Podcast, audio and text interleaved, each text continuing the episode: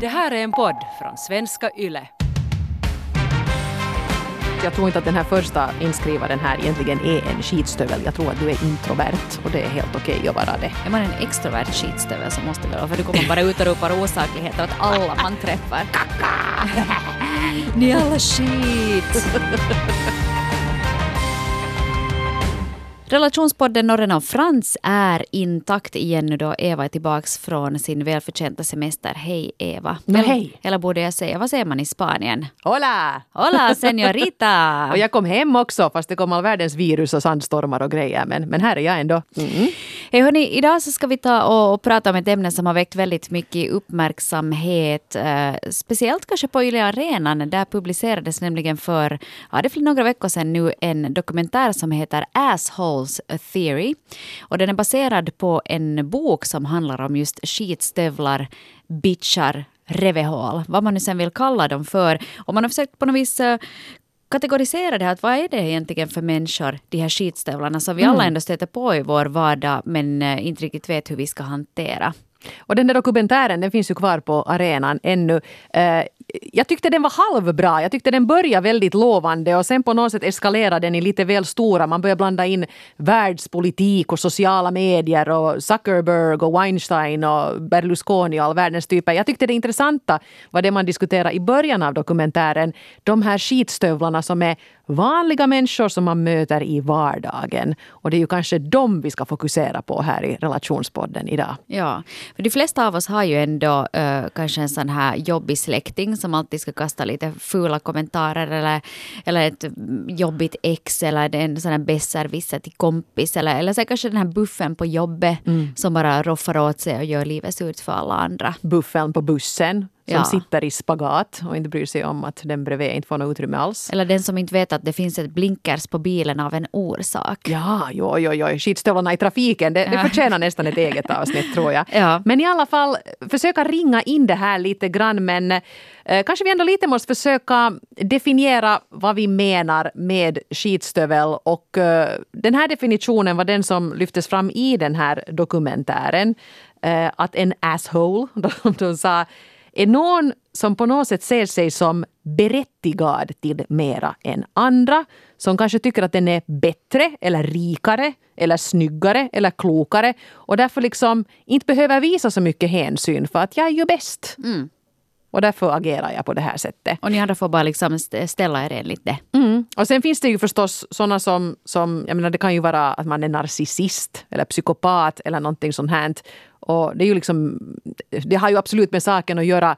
Men jag tror också det finns många assholes som ju inte skulle liksom kunna få en psykologisk diagnos på något sätt. Utan de är bara assholes. Ja, och vi kanske inte behöver ens gå så långt som just till narcissisterna och psykopaterna. För de är sen i en klass för sig. Det kanske också förtjänar ett skilt avsnitt sen. Hej, har du varit ihop med en narcissist? Och alla säger att jag vet om det här. men, eh, men just alltså, kanske mer de här vardagliga skitstövlarna. Mm. Uh, i den här dokumentären, den här boken, så pratar man äh, ganska mycket om det här med att en skitstövel egentligen inte vet om det själv, att hen är en riktigt jävla bitch. Mm, och att den som säger att jo, jag är en skitstövel, så är det inte egentligen. För att de som är så inser inte. Mm. Mm. Och det finns ju vissa, vissa kanske tidsperioder i livet då man eh, har rätt att vara en skitstövel. Till exempel barn så brukar jag ibland kalla för själviska opportunister, för det, det är vad de är. Mm. För de, de fokuserar på sig själva och det måste de göra för att helt enkelt överleva. Ja, det är helt naturligt. Ja. Jag menar, man får vara en skitstövel när man är liten. Ja, eller sen om du är tonåring också. Ja, då kommer det en fas till och då får man ju liksom försöka som förälder eller medmänniska på något sätt styra bort från det här. Och som de konstaterar i den här dokumentären, efter tonåren så evolvar en del unga människor till fullblods skitstövlar och då kommer det aldrig att gå om. Men lyckligtvis, för de flesta går ju den här fasen om och man kanske blir en lite så här behagligare person som vuxen. Men ja. det är liksom okej att vara som barn och tonåring skitstövel i en viss mån. Men jag undrar kanske, jag, vi ska komma in på det här lite närmare senare också, men jag undrar om det kanske har just det här med att om du är en, en skitstövel i, i skolan, fast i tonåren då, du märker att hej, men det här mitt buffliga beteende, det funkar ju för ingen vågar säga emot mig, mm. så alla mm. följer mig istället. Jag får alla tjejer eller killar för att ingen vågar inte vara ihop med mig. Och så här. Att man kanske märker att man har så mycket att vinna på att vara ett svin, att man inte ser någon orsak att sluta sluta med det heller. Och det är just då som man, som du sa Eva, där man evolverar till det här fullständiga skitstövelskapet. Där kommer sen den där extremt jobbiga chefen. Det är så han har vuxit upp. Det sa han. Han sa jag helt med flit. I den dokumentären så pratar man också om skitstövlar på arbetsplatsen. Jag tyckte en, ett, ett sådant initiativ som ett Eh, inte bara ett utan många amerikanska företag har, har eh, tag, fastnat för och gjort till sin egen slogan, det är att de har en sån här så kallad no assholes policy. Mm. Det vill säga att de anställer inte människor som inte är samarbetsvilliga och som inte är snälla mot sina eh, kollegor och, och, och kunder. Och så här. Och, och, den här ena chefen sa att de har till exempel ett sånt test att de bjuder in de människor till arbetsintervju mm. så kollade de med receptionisten att hur behandlades receptionisten av de här arbetssökandena. Det är så enkelt och det är så genialiskt för vilken skitstövel som helst kan ju liksom flina upp sig och vara trevlig när man träffar de där som ska intervjua en och visa upp sin bästa sida. Men har man då behandlat liksom städaren eller receptionisten eller den som hämtar kaffet i en som skit, så då är man ju en skitstövel. Mm. Och, och där liksom, det blir nästan som man kanske känner sig lite ärtappad av dolda kameran men det är bara det att dina naturliga färger blev sen visade. Och jag tycker att det är fint för att de brukar säga att man kan avgöra en människas sanna karaktär baserat på hur man behandlar människor som du inte kan vinna någonting på. Precis. Mm. Så, jag tyckte det var någonting fint i det, det här. Var smart. No assholes policy. Men bara en, jag menar man är ju en skitstövel om man inte är vänlig mot en receptionist. Mm. Det är ett jättebra test. Mm. Om man inte liksom kan vara så grundhövlig säga att goddag, jaha, tack, tack, jag sitter här och ser lite vänlig ut. Det är inte mycket begärt. Du där! Det här kaffet var inte gott. Eller bara liksom behandla folk som luft. Hemskt. Mm. Nå jo, hör du. Vi har fått många historier och kan ju på basis av dem dra slutsatsen att de här skitstövlarna de finns lite varstans. De finns på arbetsplatsen, de finns i släkten. Eh, och vi ska försöka ta upp lite olika synvinklar på det här nu då. Mm. Ska vi se. Vi ska kunna äntligen ta och börja med eh, signaturen ME, eller kanske MI. Jag vet inte hur, hur, man ska uttala den här signaturen nu då sådär på ett korrekt sätt. Men, eh, men eh, poängen som ME skriver om tycker jag att är väldigt bra. Jag tycker att de värsta skitstövlarna är de konflikträdda skitstövlarna. De som inte säger rakt ut vad de tänker men sen talar skit och intrigerar bakom ryggen på en. De som är öppet otrevliga är ändå lättare att hantera. Det är en bra poäng det där. För uh, om någon är otrevlig så har man på något sätt chansen att genast säga att vad håller du på med? Varför mm. snäser du så där åt mig? Inte har jag gjort något illa, skärp dig. Men någon som liksom är lite sådär, lite flinar upp sig och ser lite kryptisk ut och man sen vet att den går runt hörnet och, och backstabbar en för fullt. Den är svårare att komma åt. Det är det ju, eller oftast blir man fast först sen då man, man blir ärtappad. Ja. Jag tror att det här är ett sådant skitstövleri som ganska många av oss gör oss skyldiga till. Att vi säger en sak äh, till personen då vi har det mitt emot oss för att vi helt enkelt inte vågar säga vad vi egentligen tycker. Men sen går vi då med kollegorna och skvallrar om den här personen då sen och kan säga både det ena och det andra. Det här tror jag är ganska vanligt. Mm. Och, och, vi kanske inte vill erkänna att vi är sådana. Men det är lite samma som vi talar om just det här med skitsnack i några avsnitt tidigare också. Det är ju ganska vanligt. Men, men speciellt om man börjar liksom göra livet surt för någon på riktigt så, så är det ju inte schysst. Men, men, men det är också svårt att hantera någon som är otrevlig mot dig direkt. För att jag tycker att vi är ändå ganska artiga här i Finland. Vi är ganska hövliga mot varandra. Att om inte vi gillar någon så brukar vi säga rakt ut att hej, jag tycker att du har fel i huvudet. Mm. Nej, Nej no, det behöver man ju kanske inte säga. Men man, jag tycker åtminstone man får ju chansen att försvara sig när någon liksom beter sig illa rakt emot en. Man säger att varför behandlar du mig som luft? Jag sitter här. Jag tycker att jag förtjänar din respekt. Hallå! Ja. Du behöver inte säga att du har fel i huvudet. Men, men det där är också att hur, hur liksom du hanterar det. För jag tycker att jag eh, jag har blivit bättre på det på senare år, att våga konfrontera någon om någon säger någonting till mig. Till exempel kan det vara det på jobbet en situation där någon har gått rakt över mig på ett möte och sen efteråt kanske hockar sig att okej okay, det här var inte så schysst och så kommer den till mig och säger att hej, sorry att det får lite sådär. Så då är jag inte sådär att ja, men inte gör det någonting. Och så att, ja, det är sant att jag, jag blev faktiskt ganska ledsen för att du totalt ignorerade mig och du fick mig att se dålig ut inför alla de här kollegorna. Att det var inte schysst. Mm. Att du behöver inte liksom börja brottas i korridoren men att man ändå står upp för sig själv med några enkla meningar mm. i en mm. hövlig ton. Så det, det, kan, det tycker jag att man blir bättre på sen ju säkrare man blir. Helt klart. Men hur är det med dig Eva? Är du bra på att hantera eh, en sån här konflikt? No, jag är ju den som kanske ryter till lite väl tidigt. Alltså jag har ganska kort stubin. Ja, som jag faktiskt. känner mig du är liksom, lite sådär on jag, fire no, ibland. Jag är ju ofta den som smäller av och sen får folk liksom be om ursäkt för att jag har överreagerat. Just det. Så att, jag vet inte om det på något sätt är bättre. Vi borde kanske kombinera dig och mig så, så skulle man ha den här ideala konflikthanteraren där. Ja, det kan att- ju vara det att man ibland kanske också gör saken värre Ja. om man liksom reagerar för starkt. För jag, det där som du beskrev nu dig själv där, så det känner jag bra igen, bra igen för att jag har ju ibland suttit på de här samma möten och märkt att nu blev hon ledsen. Jag kanske ser det på dig och det kanske inte har varit jag som har varit den som liksom klampar över dig. Och då känns det inte heller sådär att men hörni, Hanna är ledsen nu, titta! Ja, nu har ni varit dum med Hanna. Nu Ingen får- hörde på Hanna och det var riktigt fiffigt Nu det går du och säger förlåt, som man säger på Så dagis. jag kan ju inte liksom riktigt börja med, med det då där heller. Mm. Kanske visa min support efteråt och säga att Johanna, det var nu faktiskt ett Bufflarnas årskonferens här. Att, att jag tyckte det var helt fiffigt det du sa. Ja. Men det där, eh, ja. Vi är lite olika på det där sättet. Jag kanske är mer skitstövel då jag, nej. Jag är kanske mest skitstövel då när det gäller faktiskt självförsvar och försvar av nära och kära. Inte brukar jag nu liksom köra över människor. Inte vet jag om du, du är en skitstövel, men du kanske är mer än så att du agerar i affekt. Och det, och det Ja. kan ju vara att man inte, för jag menar du är ju inte en elak person. Och det är ju det som är kanske skillnaden där också. Sen att man blir ledsen för någonting så är det ju lätt att man attackerar tillbaks. Ja, det kan Att hända. man känner sig anfallen så då kastar man tillbaks med stora släggan. Och, och, och det kanske kan upplevas som buffligt. Precis. Fast Men konflikter är det jag inte. Nej, det kan vi åtminstone inte. säga. Nej. Hej, Jag är en skitstövel men jag är inte en konflikträdd skitstövel. Hörni, vad heter det? Eh, På jobbet är det förstås en sak, för där, är, där måste du, du har ju betalt för att komma överens med människor där. Men, men sen när du har den här skitstöveln i din familj eller i din släkt så då kan det vara lite knepigare för det finns inte riktigt nå, någonstans att, att fly undan den här personen. Ja, Signaturen Aldrig mer äh, berättar bland annat om en styvson. Den här styvsonen som bestämde sig att ignorera, nonchalera och bemöta mig med silent treatment i åratal.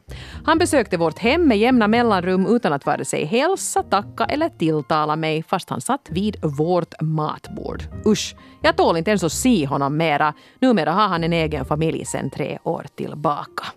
Mm nu vet jag ju inte hur gammal den här styvsonen är. Men jag skulle tänka att om jag som vuxen i mitt hem, att dit kommer in någon som inte kan bete sig, så är det raka vägen ut genom dörren tillbaks. Är det en vuxen person, den här vuxna styvsonen, så tycker jag att man kan också förvänta sig ett hövligt bemötande på något sätt. Att totalt ignorera någon, nonchalera någon, inte tala med någon överhuvudtaget. Jag tycker det är oacceptabelt beteende. Och där funderar jag att eh, signaturen aldrig mer, har inte du gjort någonting åt det här? Har du inte sagt det? Om det är din styvson så har inte du sagt åt den andra vuxna då att hej nu får du få sätta lite kurri på den här typen. Att så här beter man sig inte mot mig i mitt hem. Nej, det är sant. Eh, och det är svårt att göra det, men jag menar, det är ju lite det som också i den här dokumentären de kom fram till. Skitstövlar frodas och lever på så länge ingen säger till åt dem. Eh, Varför skulle man? Om man är en skitstövel och det funkar för en, varför skulle man ändra sitt beteende? Man går dit och äter gratis hos sin styvmamma fast man behandlar henne som luft. Jättebehändigt. Man Ja. behöver inte chitchatta. Men det behöver, det behöver man. Och styvmammorna of the world, ni måste stand united. Mm, de här har nu brutit kontakten och faktiskt är det ju ibland det man kanske måste göra med personer som, som får en att må dåligt helt enkelt. Eh, eh, vi fick faktiskt också brev av två skitstövlar. Ja. Det är inte jag som har utropat dem till det utan det här är de själva som, som hävdar att, att så är fallet. Ja, jag, jag tycker det, det är intressant att, att höra. Eh, vi, ska, vi ska ta de här två och så får, vi, får vi se vad vi, vad vi kommer fram till. Jag tror att jag är en skitstövel. För jag tror att jag är bättre än andra. Jag ser ner på andra. Mallig är jag också. Men måste man vara en bra människa då? Vill inte göra någonting för andra utan är självisk. Jag trivs utmärkt i mitt eget sällskap och med mina böcker och mina hästar. Nej, jag föredrar djur framför människor. Så skriver alltså den ena och sen har vi ännu den andra. Som skriver Jag vet att jag själv är sån, men jag rår inte för det. Det är tungt att förtrycka och det går inte i längden fast man vet att andra kan bli irriterande. Men vad kan man göra? Sluta genast. Det är vad man kan göra. Du kommer inte få några sympatier härifrån. Inte så att oj, det är så tungt att förtrycka andra. Ja, nej, nej klart, klart att det inte är det. Jag tyckte också att att ibland så kan det ju till och med, om man har en skitstövel i sin närhet, så kan det vara att hjälpa den här personen att säga ifrån. Att inser du att ditt beteende är för jäkligt och att folk inte tycker om dig för att du håller på så här. Men att nu är du säkert en trevlig person men visa upp dig istället och sluta hålla på på det här sättet. Det här kan ju till och med vara en, en sån här aha-upplevelse för en person som bufflar på i livet utan att riktigt inse det. Att det ja. går att ändra på sig. Ja, jag tror det var i den där dokumentären också så var det en sån här lärare som undervisar på college. Och hon sa att hon hade haft då en, ett auditorium fullt med elever och det var alltid den här ena assholen då som tog över hela showen och, och kastade fula kommentarer och förstörde för alla andra. Och sen i något skede så hade hon eh, bestämt sig för att hon bara ignorerar den här personen helt och hållet. Och I något skede så började den här personen fråga att, att varför, får jag, varför svarar jag, får jag aldrig svara på dina frågor? Hon sa att no, för att du alltid liksom förstör för alla andra för att din attityd är oacceptabel. Att så länge du inte har någonting bra eller konstruktivt att säga så är jag inte intresserad av din åsikt. Mm. Och den här skitstäven ändrade sitt beteende efter det här. Och i slutet av terminen så kom också han och tackade henne. Mm. Och sa att, att vet du, jag visste inte att jag faktiskt var en sån och att det var så där himla jobbigt. Och att sen när jag funderade på det så bestämde jag mig för att förändra mitt eget beteende. Och liksom att hon fick sen sista slutligen tack för att hon vågade stå upp mot den här skitstäven. Precis, och det var kanske det. Om vi nu ska ge något råd till den här andra brevskrivaren här. Eh, som, vi fick lite intryck av att det är en ganska ung person. Det vet vi inte, kanske du inte alls är det. Men du frågar vad ska man göra? Eh, sluta genast, sa Hanna, och var tyst, skulle jag säga. I sådana situationer du känner att nu kommer här en super, super, super rolig kommentar som jag skulle vilja säga fast den är ganska elak. Håll inne med den. Mm. Säg någonting annat eller var helt enkelt tyst, dra dig tillbaka från den där situationen. Inte det måste på förtrycka. Om det liksom är någonting om det är så att du bygger upp ditt eget självförtroende eller självkänsla genom att trycka ner andra, eh, då måste du nog hitta på andra system för det håller inte i längden och det kommer att framförallt bita dig själv i, i svansen i något skede. Ja, ja, jag håller helt med. Och uh, det där just med att, att, inte, att om inte har någonting trevligt att säga så var hellre tyst. Jag tycker att det är jättebra. Att man kan faktiskt låta bli att säga, att dra de där gliringarna. Mm. Man kan bara skippa det också. Att man behöver inte vara en sån. Och sen kanske om du behöver en morot så kan du tänka dig det, vet, att ingen tycker ju om en skitstövel.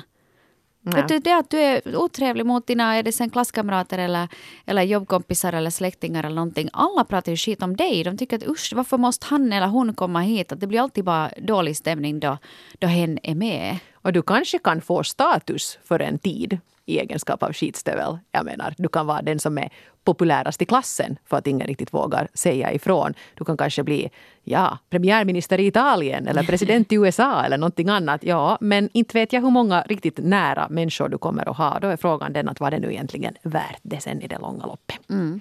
Och sen ännu till den här nöjda skitstöveln som också sa att, att föredrar böcker och, och djur framom människor. ja. Så då, vet du, att om man vet att man inte tycker om människor och att man alltid blir otrevlig mot dem, då kanske det är bättre att hålla sig med hästarna och hålla sig på sin kant.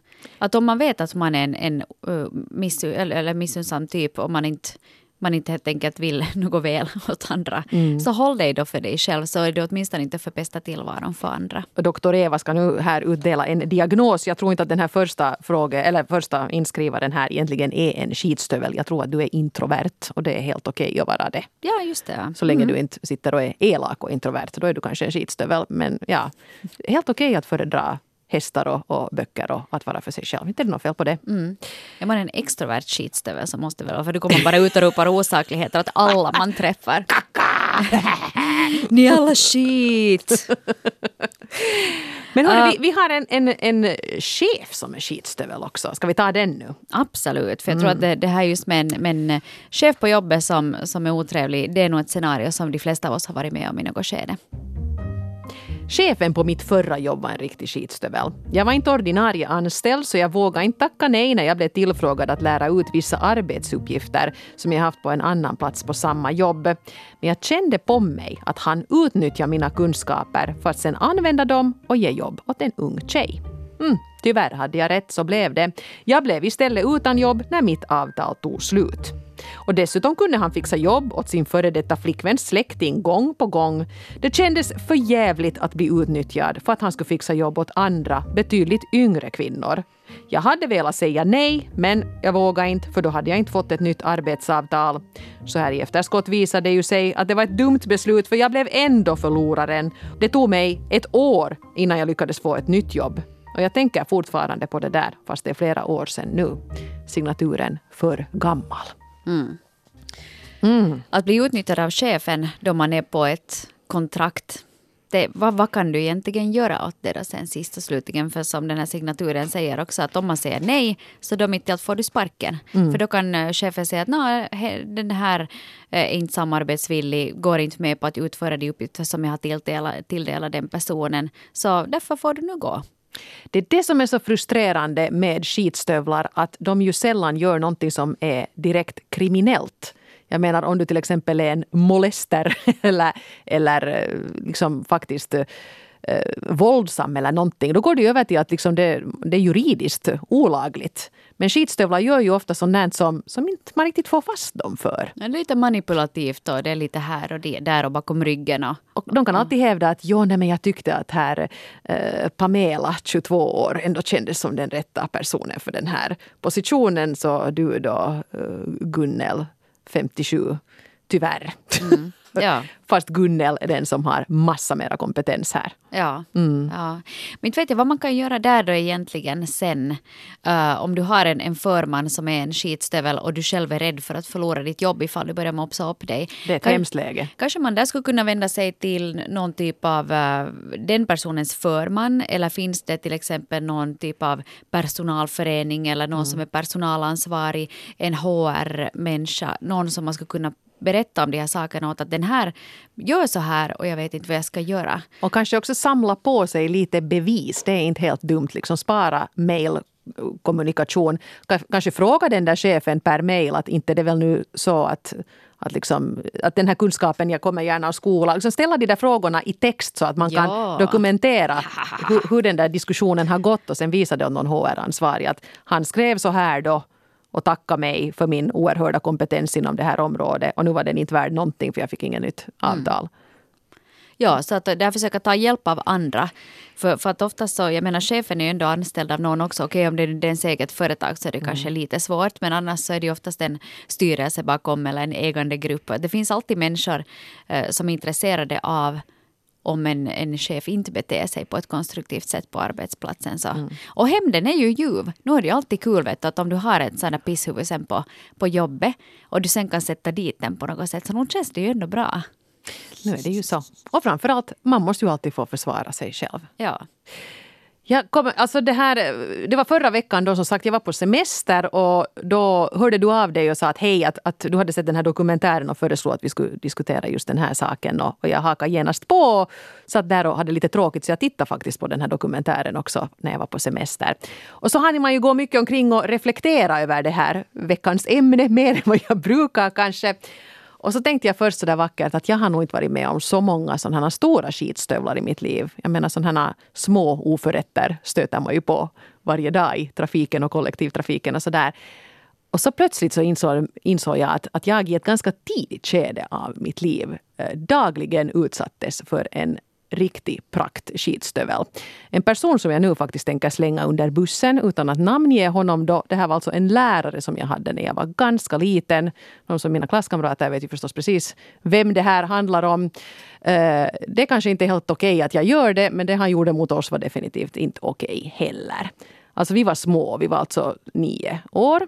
Vi var jätterädda när vi skulle få den här läraren för vi var, tyckte att han verkade så sträng. Sträng är inga problem. Sträng är en bra egenskap hos lärare skulle jag säga. Mm. Hurra för stränga lärare, det kan behövas. Men eh, det här var nog en person som hade nästan lite sådana små sadistiska tendenser. Sånt här man då gjorde att eh, när vi hade haft prov och de skulle delas ut hade han alltid omsorgsfullt sorterat dem från bäst till sämst. Alltså hur det hade gått i provet. Mm. Så man satt ju alltid och väntade och väntade och väntade. Och de som hade svårast i skolan satt ju alltid och sjönk och sjönk och sjönk ner i sina stolar. Blev mindre och mindre för de visste att jag kommer att vara underst i den där högen. Och då blev det ju alltid en spekulation. Att var är Evas prov? Och då sa den här läraren, nej hon kommer inte på länge här ännu. Ja, ja. Och sånt här. Så man liksom mm. riktigt, riktigt det här, hela den här konkurrensen byggdes upp där. Han hade jättemånga favoriter, ofta fiffiga pojkar. Det var hans favoriter. Resten behandlade han nu lite hur som helst. Han tyckte det var roligt om han i klassen lyckades provocera en elev så mycket att den började gråta. Då skulle vi alla skratta åt eleven som grät. Men herrejestas. Så här höll vi på. Ja. Och det var nog andra vuxna som visste precis hurdan han var. Uh, ingen ingrep. Han var ju kung, han var ju lärare, han var auktoritet. Så man var nästan lite i den här samma situationen som snuttjobbaren och chefen. Mm. Vad kunde man säga där?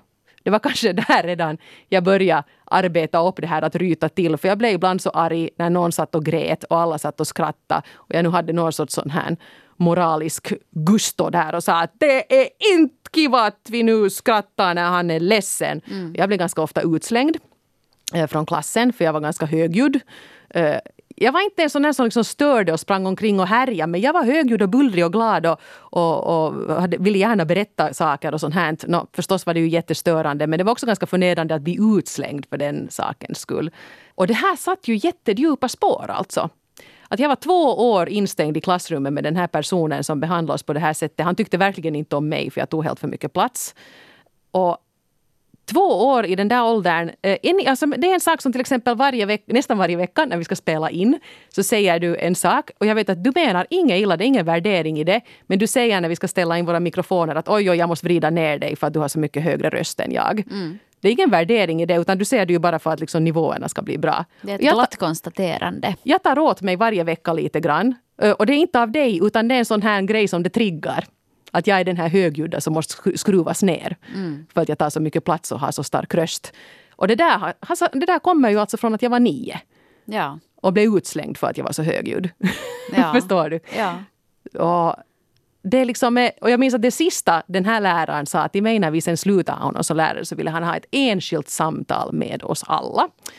Hemskt, jag ville inte alls gå dit och sitta enskilt med honom men han tvingade oss då alla. Så förstås och, inte vill man. Och så satt han och höll i oss som i ett skruvstäd. Han skulle hålla i våra händer så som att han skakade hand med oss och gav oss liksom ett, alltså han, han tafsade inte eller något sånt men liksom ett sånt fast handslag inför framtiden. Och så sa han att hör du nu Eva, när du blir stor då kommer du att skriva en bok och då kommer jag att gå till akademin och köpa den. Mm.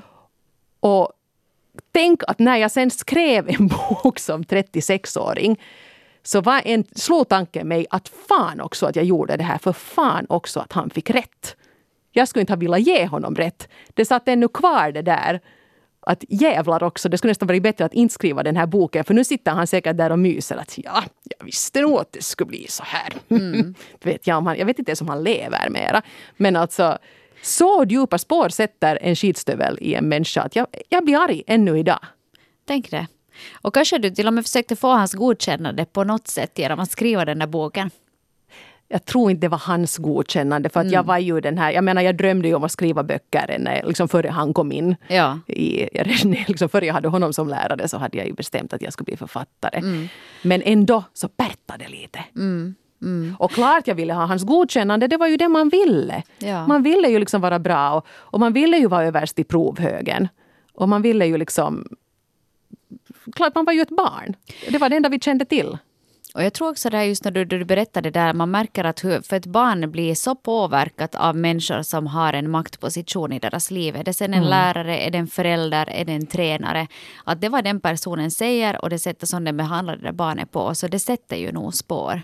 Och det gör det. Och sådana människor, mm. sådana människor borde inte få finnas på en sån där plats. Det är helt klart. Det gläder. Alltså det är ju först, tror jag nu, när mina egna barn har börjat skolan och jag ser hur deras lärare är och, och hur mycket info man får som förälder som jag inser hur inte okej det här var. Den här läraren skulle aldrig få hållas idag, mm. gudskelov. Det är helt annat nu för tiden. Uh, men ja, Mm. Jag tänkte på det där, eh, nu, nu för att gå lite vidare från det där, att just de här lärarna, tränarna, de här människorna som, som är med våra barn varje mm. dag och som vi, vi är inte där så vi vet inte riktigt vad som händer. Men, men hur tänker du också där, för jag menar vi, vi är ju båda föräldrar och vi kan ju emellan vara, eller åtminstone jag kan vara ganska jobbig mot mina barn. Vet du, man får i nerverna på dem och man skriker åt dem att nu är det nu satan det ska vara så här på det här viset. vet du, så att emellan när man bara liksom tappar det. Att nu är man ju där också en ganska bufflig person i en maktposition mot sina egna barn också. Ja. Men, men är man, gör den liksom till en skitstövel? Nej, det tror jag väl ändå inte. Alltså i stunden beter man ju sig som en skitstövel i alla fall. Men, men, men, men, samtidigt brukar jag också vara ganska, jag, jag har ganska hett temperament att sen då det far så far det. Mm. Sådär. Men då brukar jag, jag har också ganska lätt för att be om förlåtelse. Vet du, man märker att okay, nu mamma blev lite arg här. Sådär, sorry och, och, och, så, så går vi vidare. Ja, men du gör det ju kanske inte för att du vill köra över dem utan du kanske gör det för att, men att vi måste få det här att fixa nu, lite teamkänsla här, ja. halloj. Ja. Liksom. ja, det är ju det, men jag är ju inte sadistisk av mig i mitt föräldraskap i alla fall inte. nej, nej. nej. Det, det, det, tror jag inte att du är, nej. nej. nej. Och lite, en liten skitstövel bor väl nog i oss alla och den kanske tittar fram och visar sitt fula tryne mellan varven och det tycker jag är helt okej. Okay. Men mm. det här att vara en fullblods skitstövel i maktposition, det är inte kul för någon. Nej, det går inte. Och sen är det också det att jag tycker alla vi vuxna behöver ta ansvar för att märker vi att det finns en sån här person, är det på våra barns skola, är det på vår arbetsplats mm. eller är det i fotislaget, så tycker jag att det är vår skyldighet att se till att den där personen ställs till svar. För den där nioåringen som sitter där i klassrummet har inte den makt äh, makten att liksom göra någonting åt det. Där absolut liksom all, vi behöver alla vara vaksamma på sådana här situationer. För att inte nu nioåringarna som sitter där idag ska behöva uppleva samma sak. Mm. Tack Eva för det här. Oj, så jag predikar. Ja, det fint. Eller, det, det, är var, hemskt, det, det är hemskt, men det är bra att det kommer fram ändå vet du, på det sättet att det, det gör oss alla igen lite mer alerta kanske. Det var riktigt skönt faktiskt. Jag har inte, jag har inte tänkt på den här personen gudskelov så mycket och jag har inte talat om honom på väldigt länge. Jag tror att jag och många av mina klasskamrater borde sätta oss ner och ta ett snack. Det skulle mm. säkert vara riktigt bra. Förlösande. Mm. Mm. Hej tusen tack eh, än en gång till alla er som har skrivit in. Jag är ledsen att vi inte har hunnit igenom eh, alla historier, men mera historier hittar du också på vår webb svenska.yle.fi. Kan vi summera det här nu då på, på något sätt? Mm. Uh, var inte rädd för att säga ifrån när du möter en skitstövel. Det ja. kan till och med hjälpa skitstöveln själv. Ja, du kanske gör den en tjänst. Att den märk vet inte att, att de här mina buffliga kommentarer att de är inte alls roliga utan alla blir bara ledsna och på dåligt humör av dem. Mm. Och är du en skitstövel själv, var en tyst skitstövel så stör du inte så många. Jo, jo, du kan sitta vet du, och rita. Du hackar din penna i blocket, få ut din aggression på det sättet istället. Men inte ut den på andra människor, för det är skitstövligt. Jag tycker att vi, vi inför också liksom i livet sådär i övrigt som de gjorde på de här amerikanska arbetsplatserna, en sån där no assholes policy. Det är nog bra. Det vill säga att vi tar ingen skit och vi tolererar inte att folk beter sig illa. Om vi alla står upp tillsammans mot de här skitstövlarna så kommer de inte att ha mycket utrymme att, att uh, operera på i framtiden. Så är det.